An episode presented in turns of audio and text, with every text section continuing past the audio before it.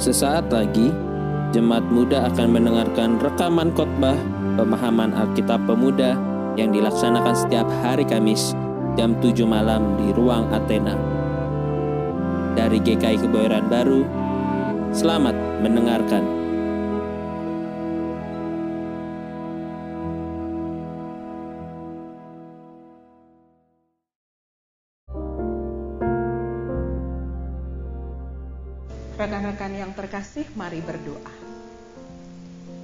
Tuhan, kami percaya Engkau mengasihi dan memberkati kehidupan kami senantiasa.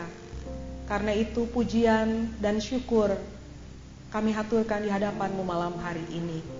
Kami mau memaknai masa muda kami sebagai kesempatan untuk hidup berkenan di hadirat Tuhan. Namun jalan itu bukanlah perkara yang mudah. Kami membutuhkan firman-Mu agar kami mampu menjadi anak-anak Tuhan yang taat dan setia. Karena itu urapilah hati dan pikiran kami masing-masing, berilah pada kami telinga, seorang murid, sehingga kami mau mendengarkan firman-Mu, menyimpannya dalam loh hati kami, dan ingat dalam segala langkah juang kehidupan kami di masa muda ini. Ampunilah dosa dan pelanggaran kami Tuhan, biarlah roh kudus-Mu mengurapi hati kami, memberkati semangat kami untuk mendengarkan firman-Mu, supaya kami mampu menjadi pelaku-pelaku yang baik dalam keseharian kami. Inilah doa dan ungkapan syukur hati kami ya Allah, bersabdalah kami siap mendengarkannya. Di dalam nama Tuhan Yesus firman yang hidup, kami telah berdoa dan bersyukur pada Bapa di sorga. Amin. Saudara-saudaraku, mari kita membuka surat Yakobus pasal 5 ayat 7 sampai 11. Saudara dipersilahkan membuka Alkitab dalam bentuk buku atau elektronik. Yakobus pasal 5 ayat 7 sampai 11. Kita akan membacanya bersilih ganti. Ayat yang bernomor ganjil para perempuan, lalu ayat yang bernomor genap para laki-laki. Yakobus pasal 5 ayat 7 sampai 11. Ayat terakhir kita baca bersama-sama. Ayat 7 dimulai oleh perempuan ya. 1 2 3. Karena itu saudara-saudara, bersabarlah sampai pada kedatangan Tuhan. Sesungguhnya petani menantikan hasil yang berharga dari tanahnya dan ia sabar sampai telah turun hujan musim gugur dan hujan musim semi laki-laki?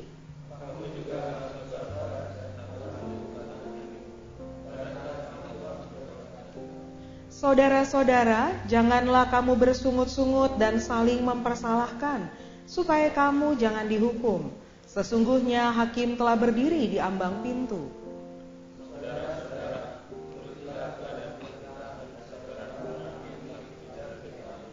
Bersama, Sesungguhnya kami menyebut mereka berbahagia, yaitu mereka yang telah bertekun.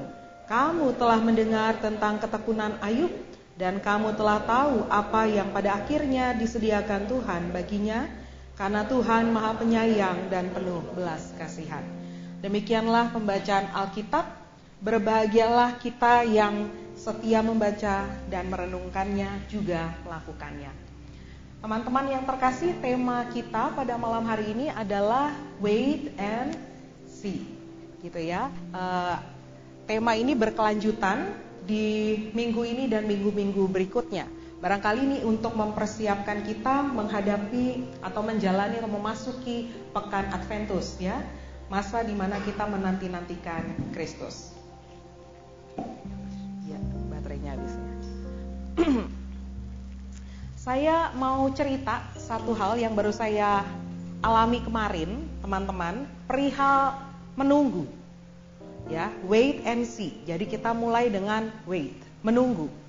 Kemarin saya itu tiba-tiba ingin sekali makan cheesecake.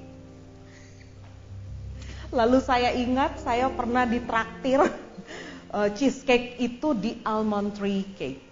Dan itu enak banget memang ya. Pas saya lihat di Grab mahal ya. Kecil gitu 35, satu loyang 198 sampai hafal. Karena mau beli juga mikir, mikir berkali-kali, jadi beli nggak ya? Akhirnya saya memutuskan, saya beli dua saudara.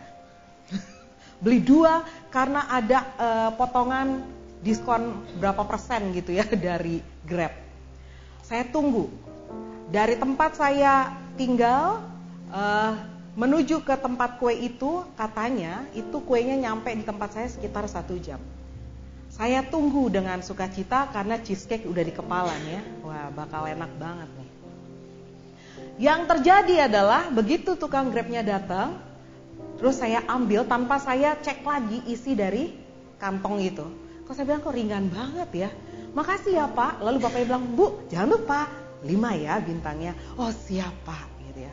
Begitu saya duduk baru mau buka jenggreng, apa yang ter, tertampak di situ ya bapak? Bapak Ibu lagi. Saudara-saudara, kue coklat. Kue coklat.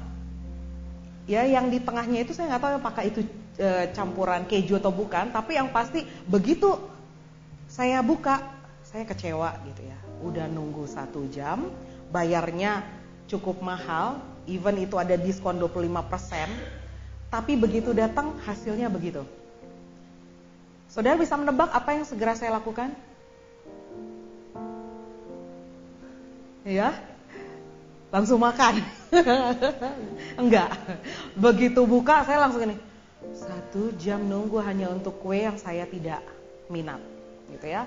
Yang terjadi saya langsung maaf ya pak tidak ada itu bintang 5 bapak sudah bikin saya jadi dapat bintang 7 sakit kepala maksud saya saya langsung mau kasih dia bintang satu langsung di bawahnya itu menghubungi call center atau bagian keluhan ya. Saya langsung tulis detail. Saya memesan cheesecake blueberry dan cheesecake strawberry yang datang adalah coklat. Biayanya segini tapi dapat oh, begini begini. Pokoknya saya sampaikan. Langsung saya ditelepon. Dikonfirmasi. Demikian, demikian, demikian. Lalu ada berita baik. Tenang saja Bu, satu kali 24 jam uang Ibu kembali. Dan memang kembali ya. Tapi uh, kepuasan saya itu nggak dapet gitu ya. Saya makan kue itu sih. Saya sebab karena sebelum saya tutup itu telepon saya tanya ini kue mau diapain. Lalu apa yang uh, pusat ya, call center itu bilang ya tidak ada yang bisa ibu lakukan selain menikmatinya. Oh jadi saya harus tetap makan kue yang saya tidak minati. Saya makan dan saya baru tahu ternyata ada loh kue lain yang enak. Ternyata ada kue lain. Jadi di kepala saya itu pokoknya cheesecake itu paling oke okay gitu ya. Udah paling seru deh pokoknya. Tapi begitu saya dapat kue ini, saya coba. Oh ternyata enak ya. Jadi saya nggak tahu tuh apa ya di balik sengsara dan nikmat atau bagaimana gitu ya. Tapi kemudian saya punya opsi yang lain. Kalau saya nanti pesen lagi, saya tahu bahwa kue coklat ini enak dan bisa dipesan. Jadi soal menunggu kadang-kadang kita itu ya sudah nunggu capek, hasilnya tidak sebanding seperti yang kita harapkan. Karena kita berharap pada Bapak Grab atau Bapak Gojek gitu ya. ya, e, menunggu memang tidak selalu memberikan kepada kita hasil yang baik, apalagi kalau kita berharap pada manusia. Ketika saya sadar bahwa bapak ini mungkin, mungkin ketika dia dalam perjalanan, dia punya pikiran, persoalan keluarga, persoalan ekonomi, kemacetan e, Jakarta yang bikin dia sakit kepala, atau ada tantangan-tantangan lain sehingga dia tidak fokus. Sehingga dia tidak fokus. Ya, jadi saya belajar menunggu dengan hasil yang tidak seperti yang saya harapkan. Saya belajar kue lain ternyata rasanya enak, tapi saya belajar memaklumi orang lain dari peristiwa ini. Kesel tapi belajar memaklumi orang lain.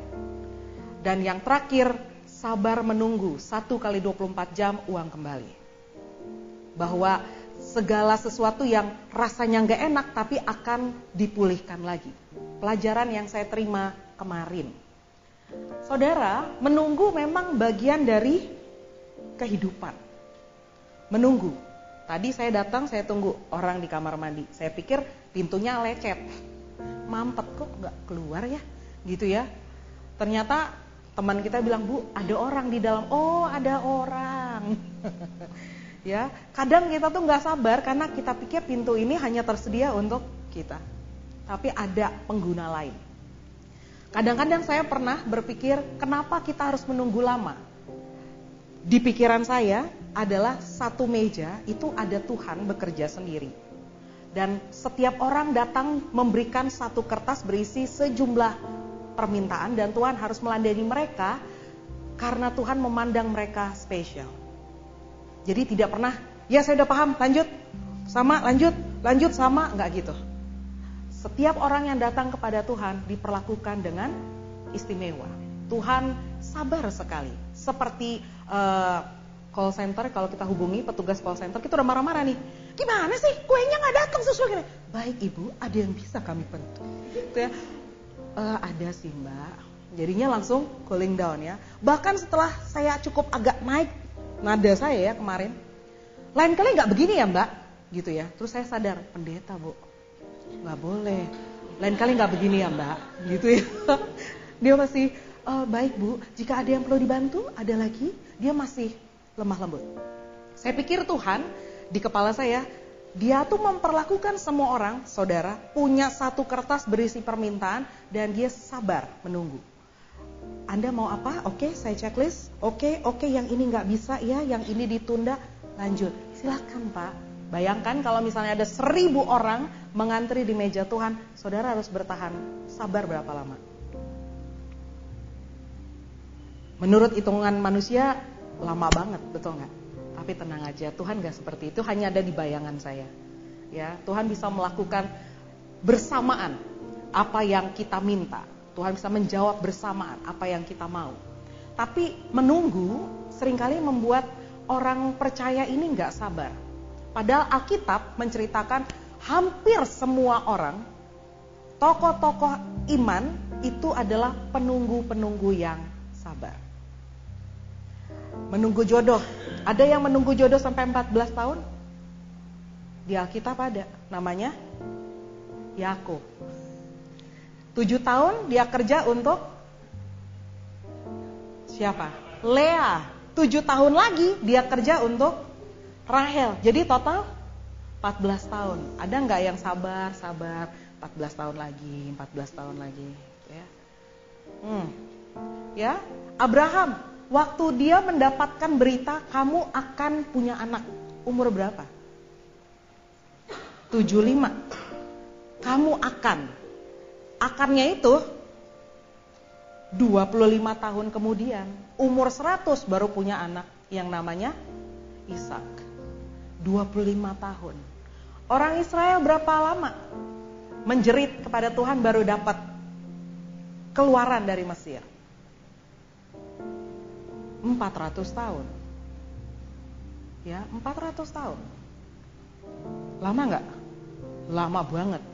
Paulus bertobat segera setelah Yesus naik ke sorga, tapi untuk menjadi rasul berapa lama dia harus persiapan? 10 tahun. Ya, jadi menunggu itu adalah sesuatu yang normal. Boleh bilang ke kiri kanan, nunggu itu sesuatu yang normal. sesuatu ya nunggu itu sesuatu yang normal ya normal ya normal banget gitu. Jadi menunggu jangan dibawa sebagai sesuatu yang wah bahaya banget ngerepotin banget ngeresein banget gitu ya. Beda nggak kalau misalnya saudara menunggu kenalan sama saudara menunggu pacar? Beda nggak? Kalau temen terlambat 10 menit reaksi saudara? Lama banget sih, ya ampun gitu ya. Ngurus arisan dulu gitu kan. Tapi kalau pacar terlambat setengah jam? Aduh beb, benar-benar kamu ya. Untung kamu pacar aku. gitu ya. Jadi tergantung kan, peristiwa menunggu sama, tapi tergantung sikap kita terhadap yang ditunggu. Tergantung sikap kita terhadap yang ditunggu. Kalau yang ditunggu itu berharga, bernilai, maka saudara cenderung akan lebih sabar. Ya, nunggu presiden berjam-jam pasti nggak akan marah kan? Begitu dia datang, Pak, ya Pak udah mati. Gila, tiga jam nungguin gitu ya. ya di Surabaya itu ada makanan yang kuahnya hitam-hitam itu, rawon betul ya. Dan bukanya tengah malam jam 11, disebutnya rawon setan. Waktu saya vikaris saya sering diculik sama rekan-rekan pemuda ya diangkut dari tempat di mana saya tinggal tante mengajak vikaris makan oh boleh hati-hati loh vikarisnya jangan sampai gemuk dan memang benar 10 kilo saya naik. Di Surabaya ya. Nunggu ngantri. Tapi worth it. Ketika makan enak nggak? Enak banget. Marah-marah nggak waktu nunggu satu jam? Ini orang makan gila ya nggak nggak nggak mikirin gitu. Kita udah dia makan enak sama oh iya cuit gitu ya. Terus kita diri di sampingnya ini kapan kelarnya ya? Ngeliatin orang makan udah ngeces duluan ya. Duh ampun udah jam 11, pulang jam berapa ini Vikaris? Gitu ya. Tapi worth it. Ketika kita menginginkan banget nunggu menjadi sesuatu yang sebenarnya tidak terlalu menggelisahkan.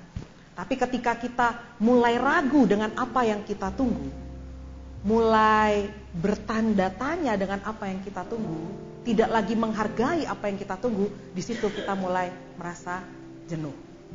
Di situ kita mulai merasa kecewa. Di situ kita mulai kurang kesabaran. Di situ kita bisa marah, gitu ya. Di situ kita bisa melakukan hal-hal yang tidak baik. Jadi, menunggu adalah bagian dari kehidupan.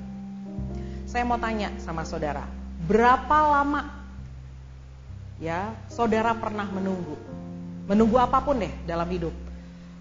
Proses menunggu terlama dalam hidup saudara maksud saya. Ada nggak yang mengingat? Biasanya kalau peristiwa pahit itu selalu diingat ya. Sama dengan peristiwa yang menyenangkan. Berapa lama saudara pernah menunggu? Barisan sini. Berapa lama saudara pernah menunggu? Sebutkan apa yang ditunggu. on time semua kayaknya ya. Temennya juga on time ya berarti ya.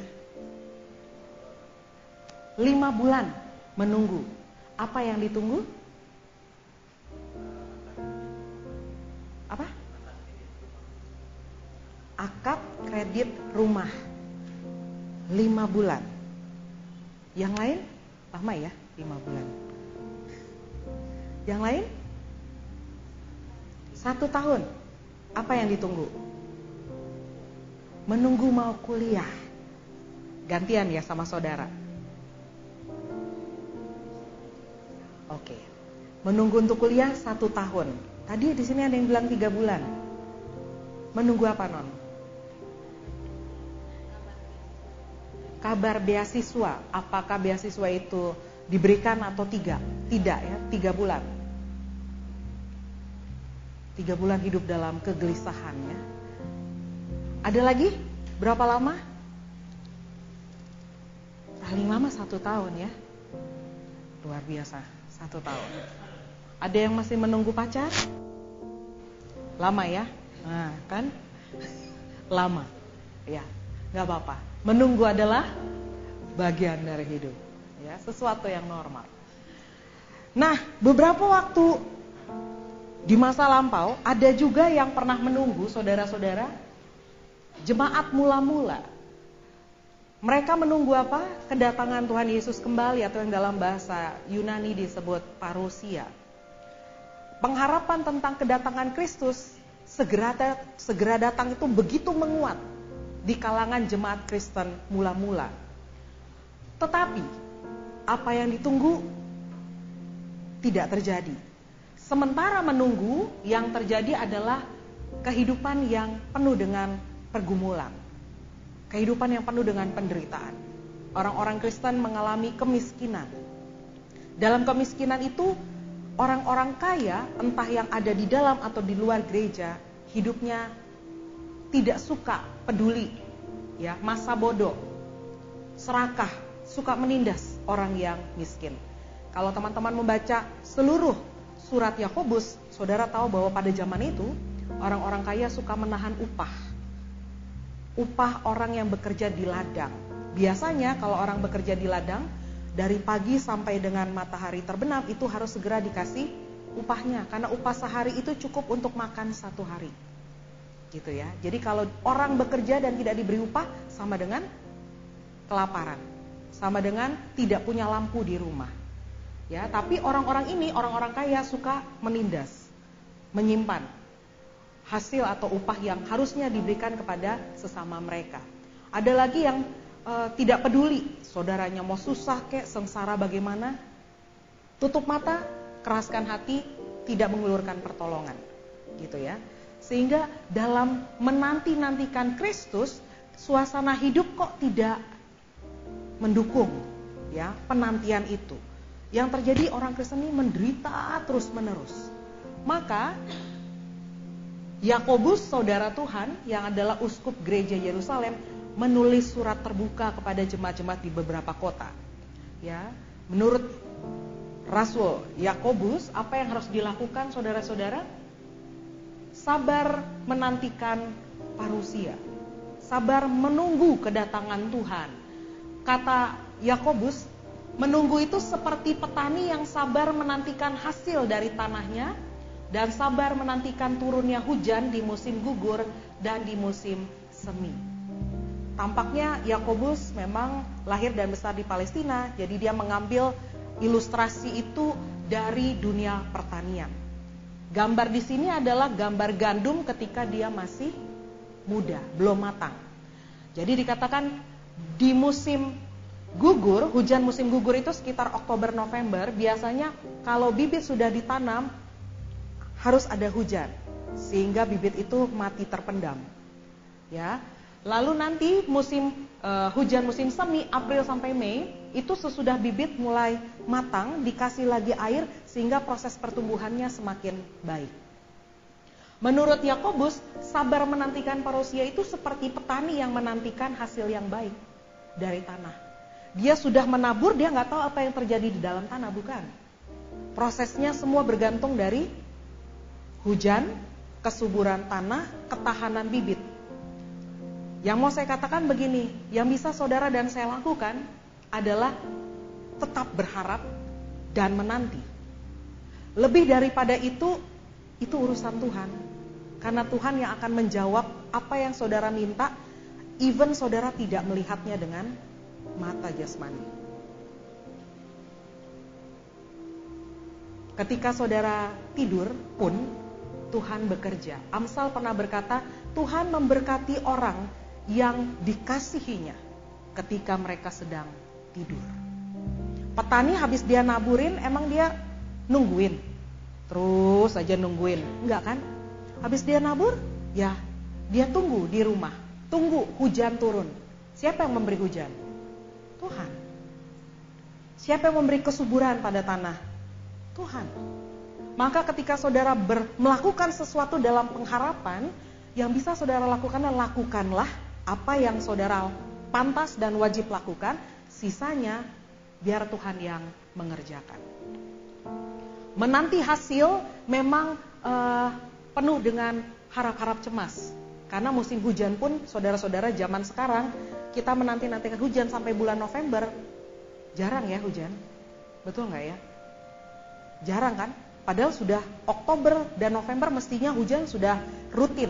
Paling tidak satu dua hari atau per tiga hari. Tapi ini sampai sekarang panas terus menerus ya.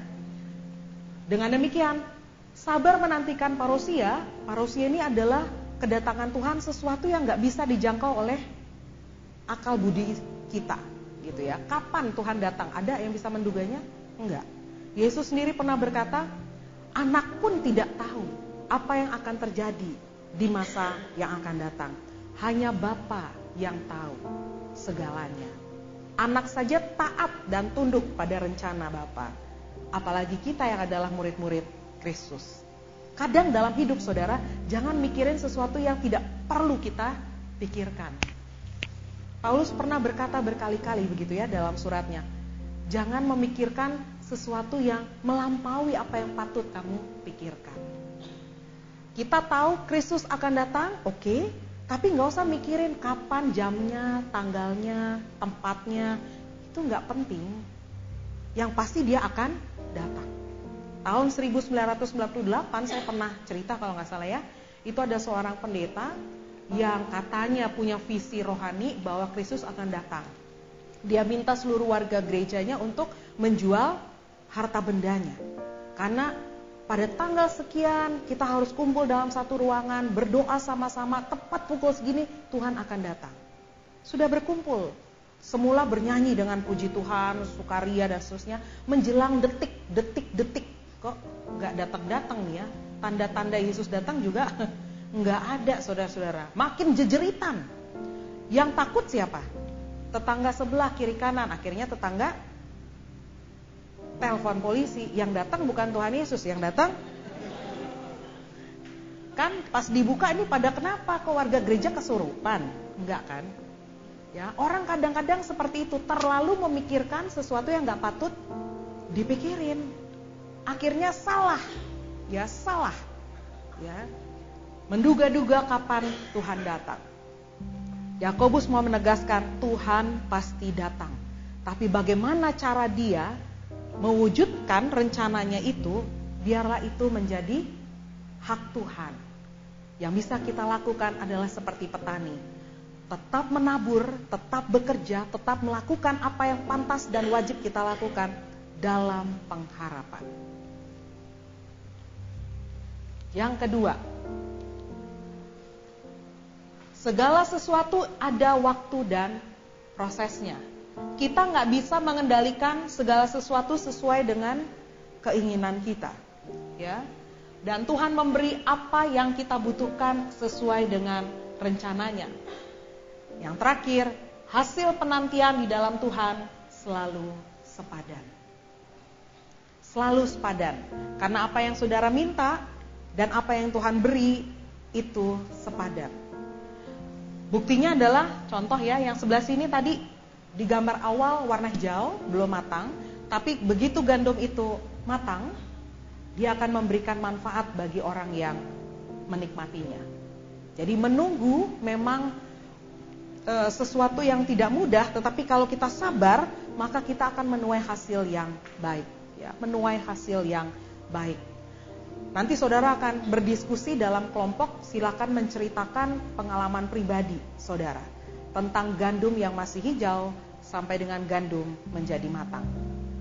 Kira-kira apa yang saudara alami dalam proses itu? Yang kedua, dalam menanti rencana Tuhan, marilah kita, kata Yakobus ya, meneguhkan hati. Dalam bahasa Yunani itu makrotumesate dari akar kata makrotumeo.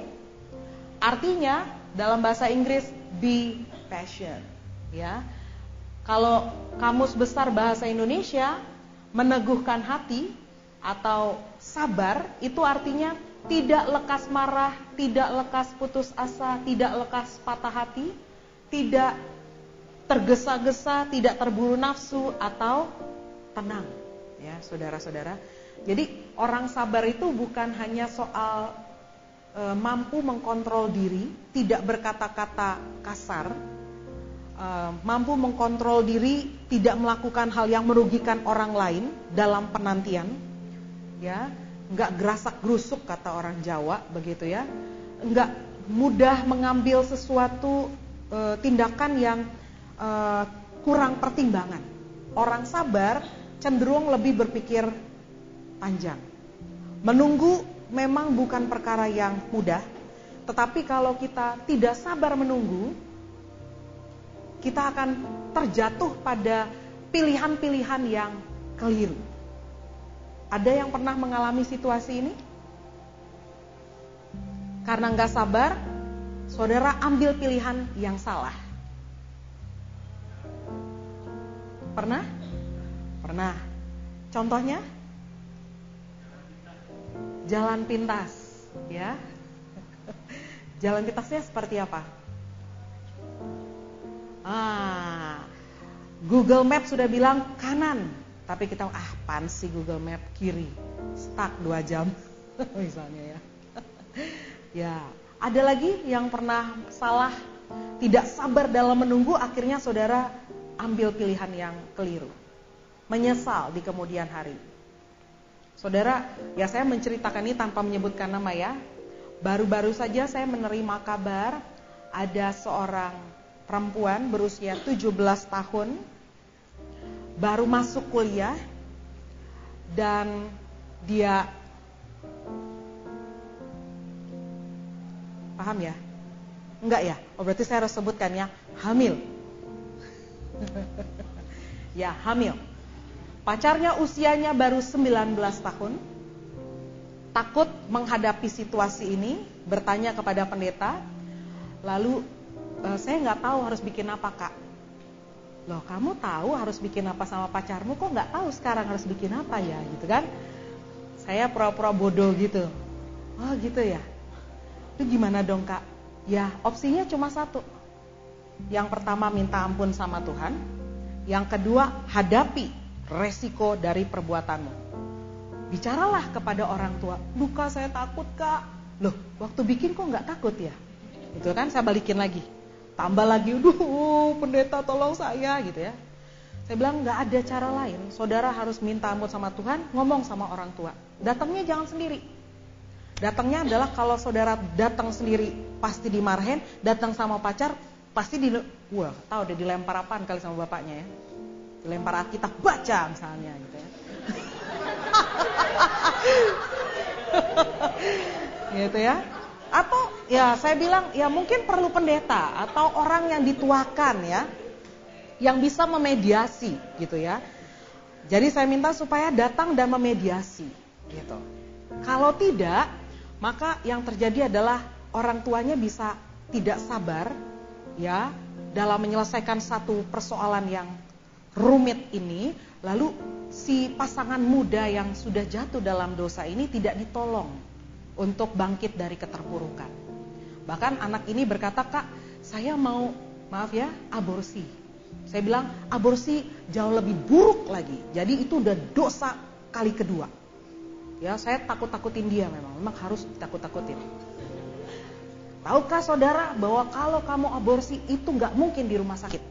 Karena di rumah sakit, wah ada aturannya, ya suami istri saja mau mengaborsi aja nggak boleh, ditanya dulu alasannya. Harus benar-benar alasan yang uh, masuk akal gitu ya, misalnya alasan kesehatan, ya. Sudah lanjut usia misalnya 70 tahun kan nggak mungkin lagi gitu ya, nggak. Tapi kalau kamu masih muda dan belum menikah, pasti ujung-ujungnya ini adalah klinik aborsi yang ilegal. Dan kamu tahu saya katakan ya, kamu itu pasti akan disuruh minum pil-pilan, minum jamu-jamuan, nanti perutmu itu akan melintir gitu ya. Oh saya nakut-nakutin orang tugasnya ya. Melintir dan seterusnya. Nanti prosesnya pakai alat yang di ini kan, wah semuanya. Ujung-ujungnya kamu bisa sakit kanker rahim, kanker serviks, miom, dan aduh buruk-buruknya karena kurang bersih ya ketika dikuret dan seterusnya itu bisa penyakit kamu bisa-bisa kehilangan rahimmu gitu ya jadi saya harus bicara yang faktual tapi nambahin dikit sesi ketegangannya gitu ya supaya orang ini jangan pernah melihat aborsi itu sebagai ya solusi bahwa memang dia sudah jatuh dalam pencobaan melakukan hal yang jahat harus dihadapi. Bagaimana proses menanti, menunggu solusi yang uh, baik ini kan ini aduh deg-degan gitu ya. Jadi saya katakan harus berani meneguhkan hati. Kalau ingin selesai menghadapi pergumulan yang berat ini harus teguh hati, sabar. Jangan ambil jalan pintas. Jangan ambil jalan pintas. Ya, ada orang yang jatuh dalam pencobaan misalnya tadinya aktif di gereja, tapi banyak sekali beban pergumulan di tengah keluarga, dia tidak mampu menahannya, bergaul dengan teman-teman yang salah, nyoba apa itu teman-teman? Yang suka disuntik-suntik, ya.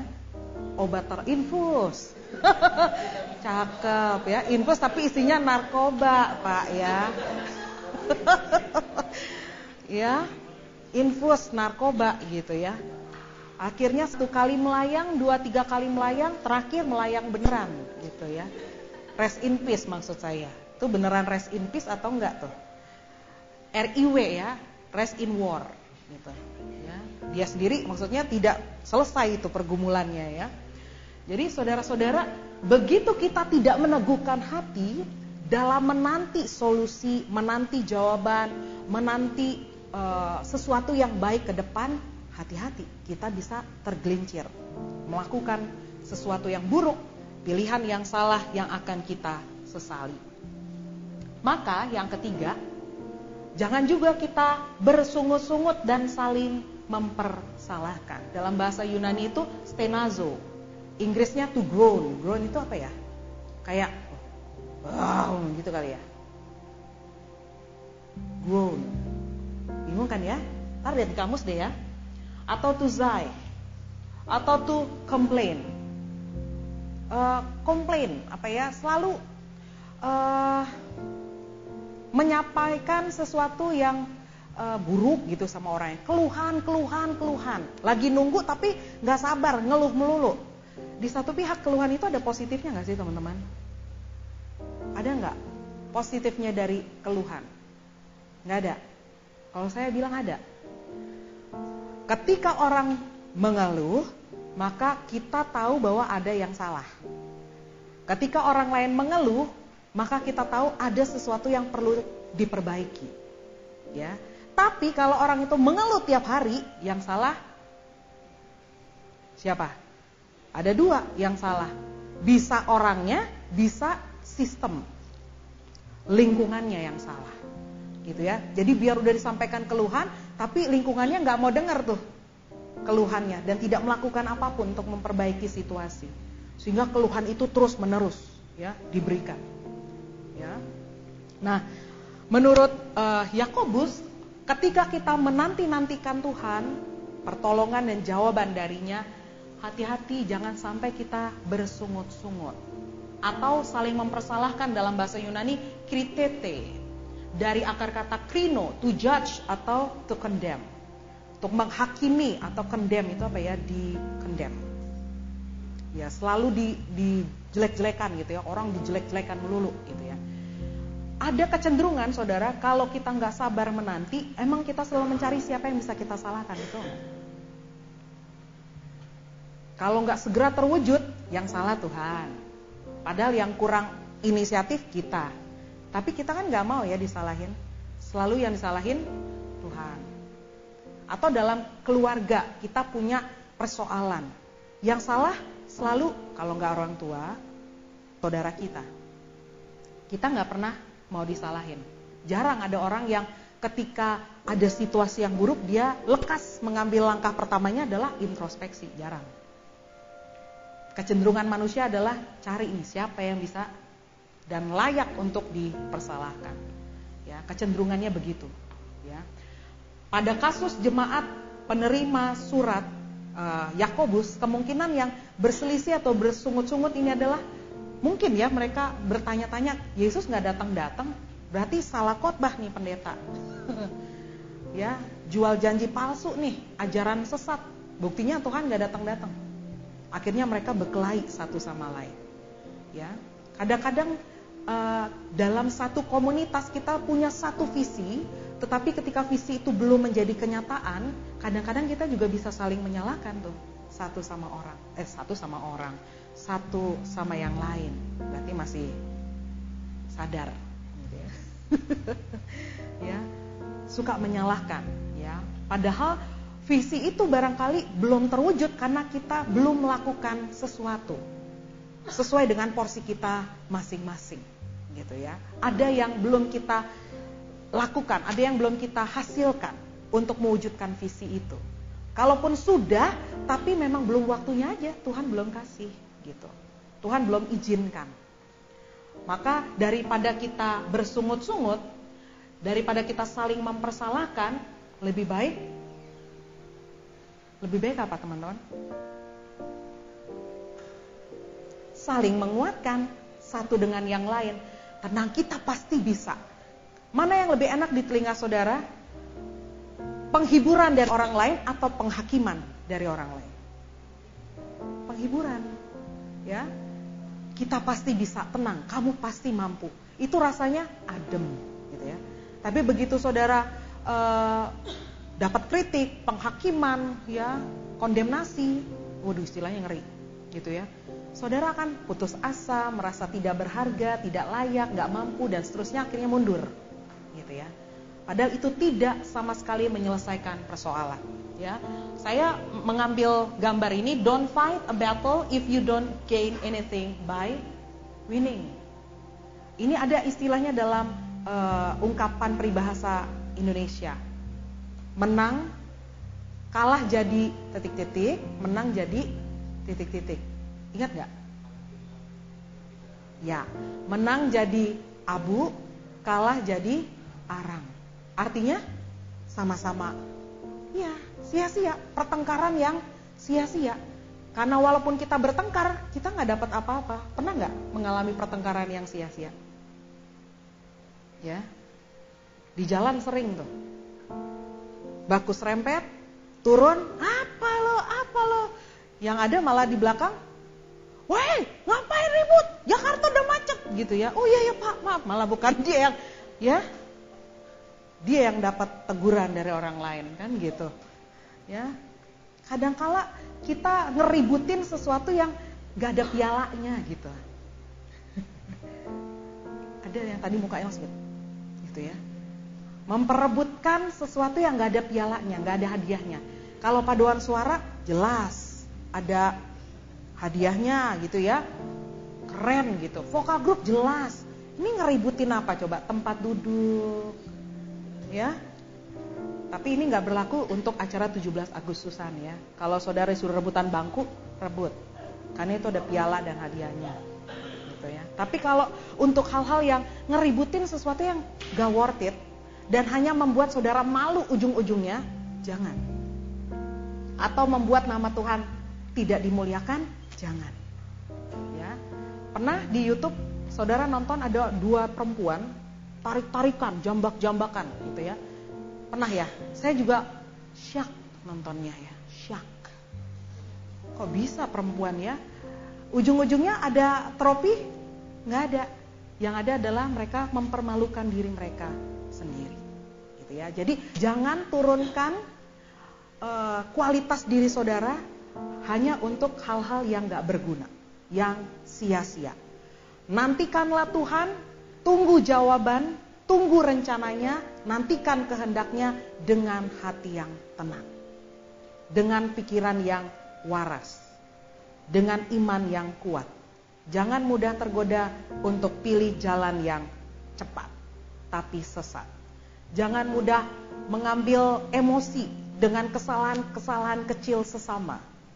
Ya, karena ketika orang lain salah, posisikanlah diri kita pada posisi itu.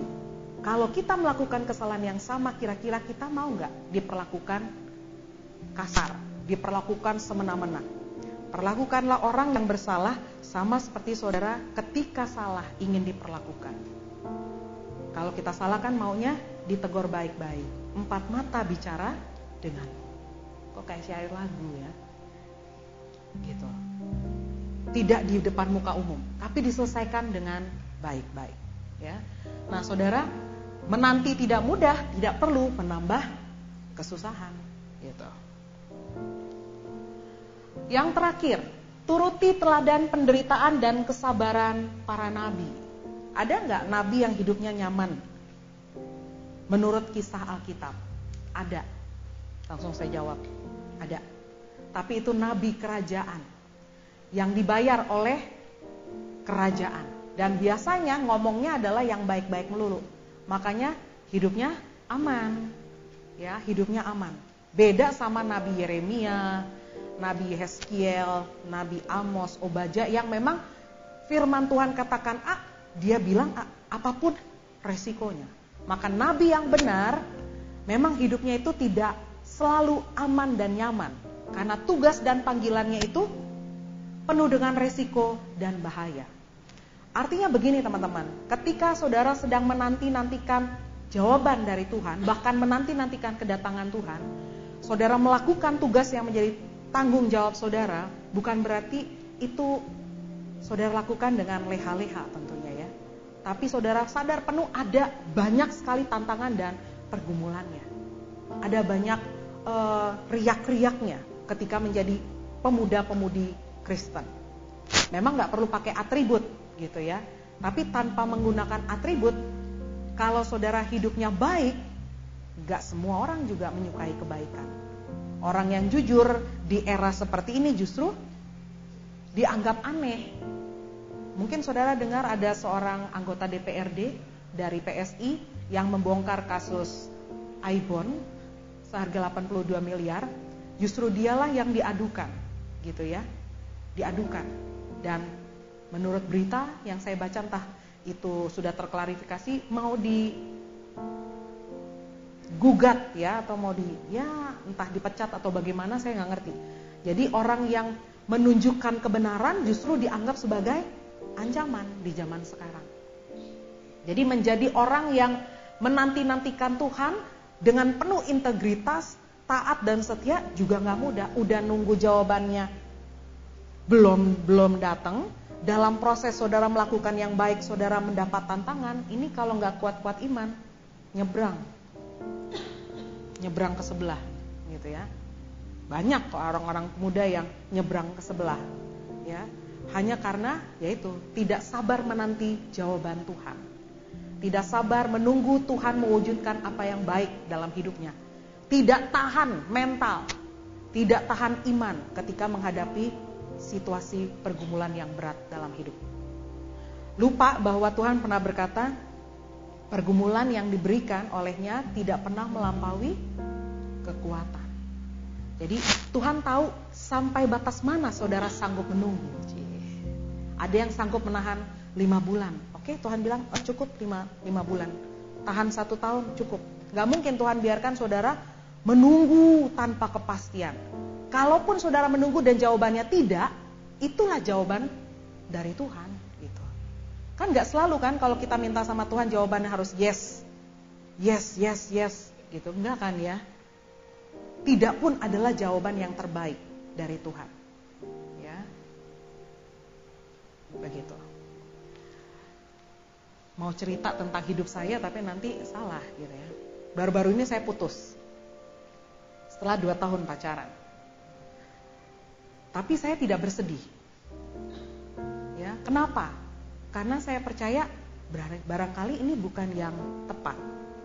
Ini belum yang terbaik dan nothing tulus gitu ya karena saya nggak memberikan apa pun gitu ya jadi putus-putus aja gitu dia sekarang jadi teman baik saya ya masih berkomunikasi tapi ya sudah hidup itu memang harus dilanjutkan kalau bukan dia pasti ada yang Tuhan siapkan jadi kalau kita selalu menempatkan posisi pikiran kita kepada posisi pikiran Tuhan kita nggak akan berlarut dalam kekecewaan gak akan berlarut dalam kekecewaan. Karena di mata kita, di hati kita, kita tahu peristiwa ini pun ada dalam kendali Tuhan. Ada dalam kendali Tuhan. Dia sengaja membiarkan kita berhenti sejenak supaya kita sanggup berjalan lebih jauh ke depan. Ya. Bedanya antara orang beriman dan orang yang tidak beriman adalah dia selalu melihat yang positif dalam kondisi yang buruk dari kacamata iman. Maka menunggu bagi orang percaya adalah sebuah perjalanan iman. Menunggu adalah sebuah perjalanan iman. Menunggu bukan sesuatu yang sia-sia bagi orang percaya. Kalau saudara menunggu sebagai orang yang tidak percaya, saudara bisa kecewa. Tapi saudara menunggu sebagai orang yang beriman, tidak akan saudara kecewa. Karena saudara tahu kepada siapa saudara meletakkan pengharapan. Ya. Buah kesabaran adalah kebahagiaan. Saya sengaja mengambil kerang dengan mutiara bagi yang pernah ke Alor, Nusa Tenggara Timur atau ke berbagai tempat di mana budidaya e, kerang itu, saudara tahu prosesnya itu dari mana mutiara ya? Caranya adalah kerang yang lunak tubuhnya itu dimasukin sebutir pasir, butir pasir itu menyayat tubuhnya sehingga supaya dia tidak kesakitan karena pasir ya, tubuhnya lunak, maka dia harus mengeluarkan cairan dan itu disebut dengan proses insulasi. Tubuhnya mengeluarkan cairan, membungkus sebutir pasir itu pelan-pelan, pelan-pelan, akhirnya yang tadinya sakit pasir menjadi mutiara. Barangkali Tuhan sedang menunggu kita semua, membuat kita menunggu maaf, membuat kita semua menunggu melewati proses. Ada satu butir pasir yang Tuhan beri di hati kita. Sakit sih, tapi tergantung kita. Apakah kita mau menginsulasi yang sakit itu dengan iman, dengan pengharapan, dengan kasih kepada Tuhan, maka meskipun kita menunggu dalam suasana pergumulan yang berat, kita tahu hasilnya adalah sesuatu yang berharga, sesuatu yang bernilai sesuatu yang bermanfaat, sesuatu yang berdampak bagi banyak orang. Tugas saudara sekarang, saudara bisa berbagi dalam kelompok, empat kelompok saja, tidak usah banyak. Ceritakanlah pengalaman pribadi saudara dalam kelompok itu tentang hal yang sedang saudara tunggu. Hal yang sedang saudara tunggu. Ya, apa yang saudara hadapi dalam proses menunggu itu Semuanya boleh bercerita, tapi ingat waktu. Satu orang harus menceritakan maksimum hanya dua menit saja, singkat, padat, jelas. Ya, setelah itu tugas saudara adalah kalau ada kertas atau kalau nggak nggak perlu membuat kertas, buatlah satu ilustrasi yang menggambarkan seluruh pengalaman orang dalam kelompok itu Definisikanlah apa itu sabar. Definisikanlah apa itu sabar ya dalam menunggu. Apa itu menunggu? Ada dua ya. Jadi apa itu menunggu, apa itu sabar? Setelah semuanya bercerita. Ya, supaya tidak lama eh, tadi empat ya saya bilang. Bolehkah satu kelompok empat orang aja kali ya? Jadi dia prosesnya lebih cepat, berlangsung serentak satu kelompok empat orang bisa bikin lingkaran.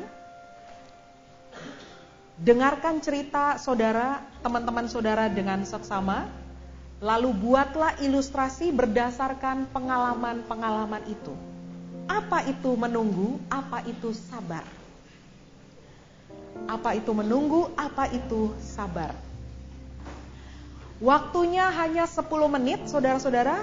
Kita akan selesai pukul setengah sembilan, nggak sepuluh menit ya, setengah sembilan lewat dua menit atau tiga menit.